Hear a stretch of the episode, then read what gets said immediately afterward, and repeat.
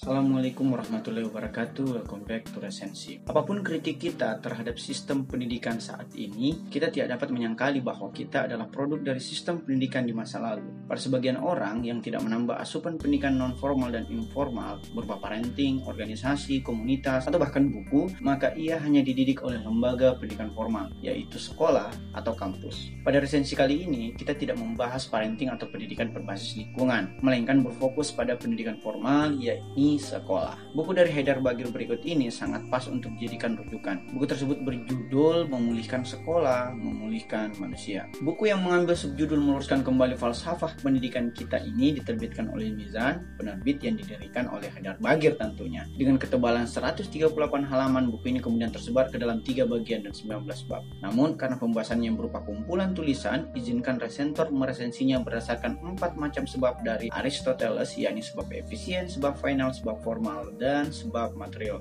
Yang pertama, tenaga pendidik. Tenaga pendidik menjadi faktor utama dalam memulihkan sekolah dan manusia. Kita masih ingat dengan pepatah yang berbunyi guru kencing berdiri, murid kencing berlari. Hal ini mengindikasikan betapa pentingnya keteladanan seorang guru dalam mengajar muridnya. Guru sendiri berasal dari bahasa Sangsekerta yang terdiri dari akar kata gugu dan tiru, yaitu yang diikuti dan ditiru pemikiran perkataan dan tindakannya. Berbeda dengan Finlandia, yang menurut data PISA sebagai negara dengan sistem pendidikan terbaik dunia, profesi guru merupakan salah satu profesi yang memiliki pendapatan tertinggi di Finlandia. Wajar jika pengajar Amerika menulis buku Teach Like to Finland, dalam hal ini Timothy D. Walker, kemudian pindah ke Finlandia dan mengajar di sana. Di Indonesia, beberapa guru digaji per tribulan dengan honor yang sangat rendah. Pada gilirannya, sedikit warga Indonesia mau menjadi guru. Sekalinya ada yang mau, hanya beberapa yang betul-betul dapat menjadi inspirasi bagi siswa. Yang kedua, falsafah pendidikan. Dasar dan hakikat pendidikan menjadi begitu penting. Dengan falsafah pendidikan yang benar, maka epistemologi, ontologi, aksiologi, dan teleologi pendidikan juga akan memulihkan sekolah dan manusia. Falsafah pendidikan yang empiris hanya akan mempelajari objek ilmu pengetahuan yang empiris pula, dan perlahan akan menganggap hal yang spiritual menjadi tidak ilmiah untuk dipelajari. Falsafah pendidikan yang berparadigma industrial hanya akan mencetak murid yang dipersiapkan sebagai karyawan. Kecerdasan kewirausahaan tidak diajarkan agar murid berlomba-lomba saja menjadi karyawan yang berguna bagi perusahaan atau pemerintah. Kita belajar yang baik di SD agar dapat masuk ke SMP yang baik. Kita belajar SMP yang baik agar dapat masuk ke SMA yang baik. Kita belajar SMA yang baik agar dapat masuk ke universitas yang baik. Dan kita belajar yang baik di universitas agar dapat kerja di tempat yang baik. Kita belajar sejak SD sampai kuliah dengan baik agar dapat menjadi pekerja yang baik. Falsafah pendidikan yang empiris dan industrial tersebut tidak dapat kita pungkiri adalah falsafah pendidikan yang mendasari sistem pendidikan saat ini. Padahal dalam Undang-Undang Sistem Pendidikan Nasional tahun 2003 disebutkan bahwa tujuan pendidikan adalah membina karakter yang beradab. Karakter yang beradab hanya dapat dibina dengan suatu sistem pendidikan yang memanusiakan manusia. Dalam buku dasar-dasar epistemologi pendidikan Islam, Murtada Mutahari menyebarkan hikmah bahwa tujuan pendidikan adalah untuk menyempurnakan manusia menuju kesempurnaan Tuhan. Yang ketiga, konsep pendidikan pendidikan. Meskipun kita akui bahwa sistem pendidikan kita memiliki banyak kekurangan, namun jika kita mengukur sistem pendidikan berdasarkan konsep PISA, itu juga merupakan penilaian yang hanya pada sebagian aspek saja, sehingga tidak dapat mengeneralisir penilaian keseluruhan siswa.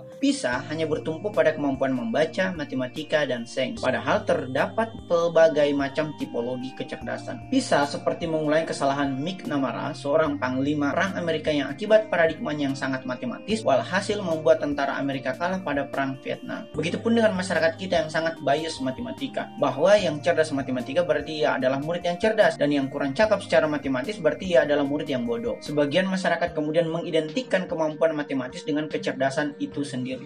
Sebenarnya, teramat banyak konsep pendidikan yang dapat dijadikan rujukan dan tidak mesti mencontoh barat. Misalnya konsepsi Trisentra Pendidikannya Ki Hajar Dewantara sebagai Bapak Pendidikan Indonesia, bahwa pendidikan tidak sebatas di sekolah atau pendidikan formal, melainkan pula pendidikan berbasis keluarga atau pendidikan non formal dan pendidikan lingkungan atau pendidikan informal. Selain itu, terdapat pula konsep pendidikan pesantren yang masih eksis di daerah-daerah yang kini telah dilegitimasi dalam undang-undang pesantren. Jika terus-menerus hanya menghasilkan cetakan pendidikan yang cerdas akademis dan layak kerja saja, maka konsep pendidikan tersebut akan digeser dengan apa yang kini telah menjadi alternatif pendidikan di barat. Misalnya, Rethinking School, The Schooling Society, dan Flip Classroom, seperti yang digagas oleh Udacity, Khan Academy, dan pendidikan berbasis digital lainnya. Yang keempat, unsur-unsur pendidikan. Infrastruktur pendidikan bukanlah satu-satunya hal yang menjadi penentu kesuksesan pendidikan. Novel Laskar Pelangi yang merupakan biografi novel yang ditulis oleh sastrawan Andre Hirata dapat menjadi bukti bahwa gedung sekolah yang biasa-biasa saja, bahkan berkekurangan, dapat mencetak sastrawan yang novelnya menjadi bestseller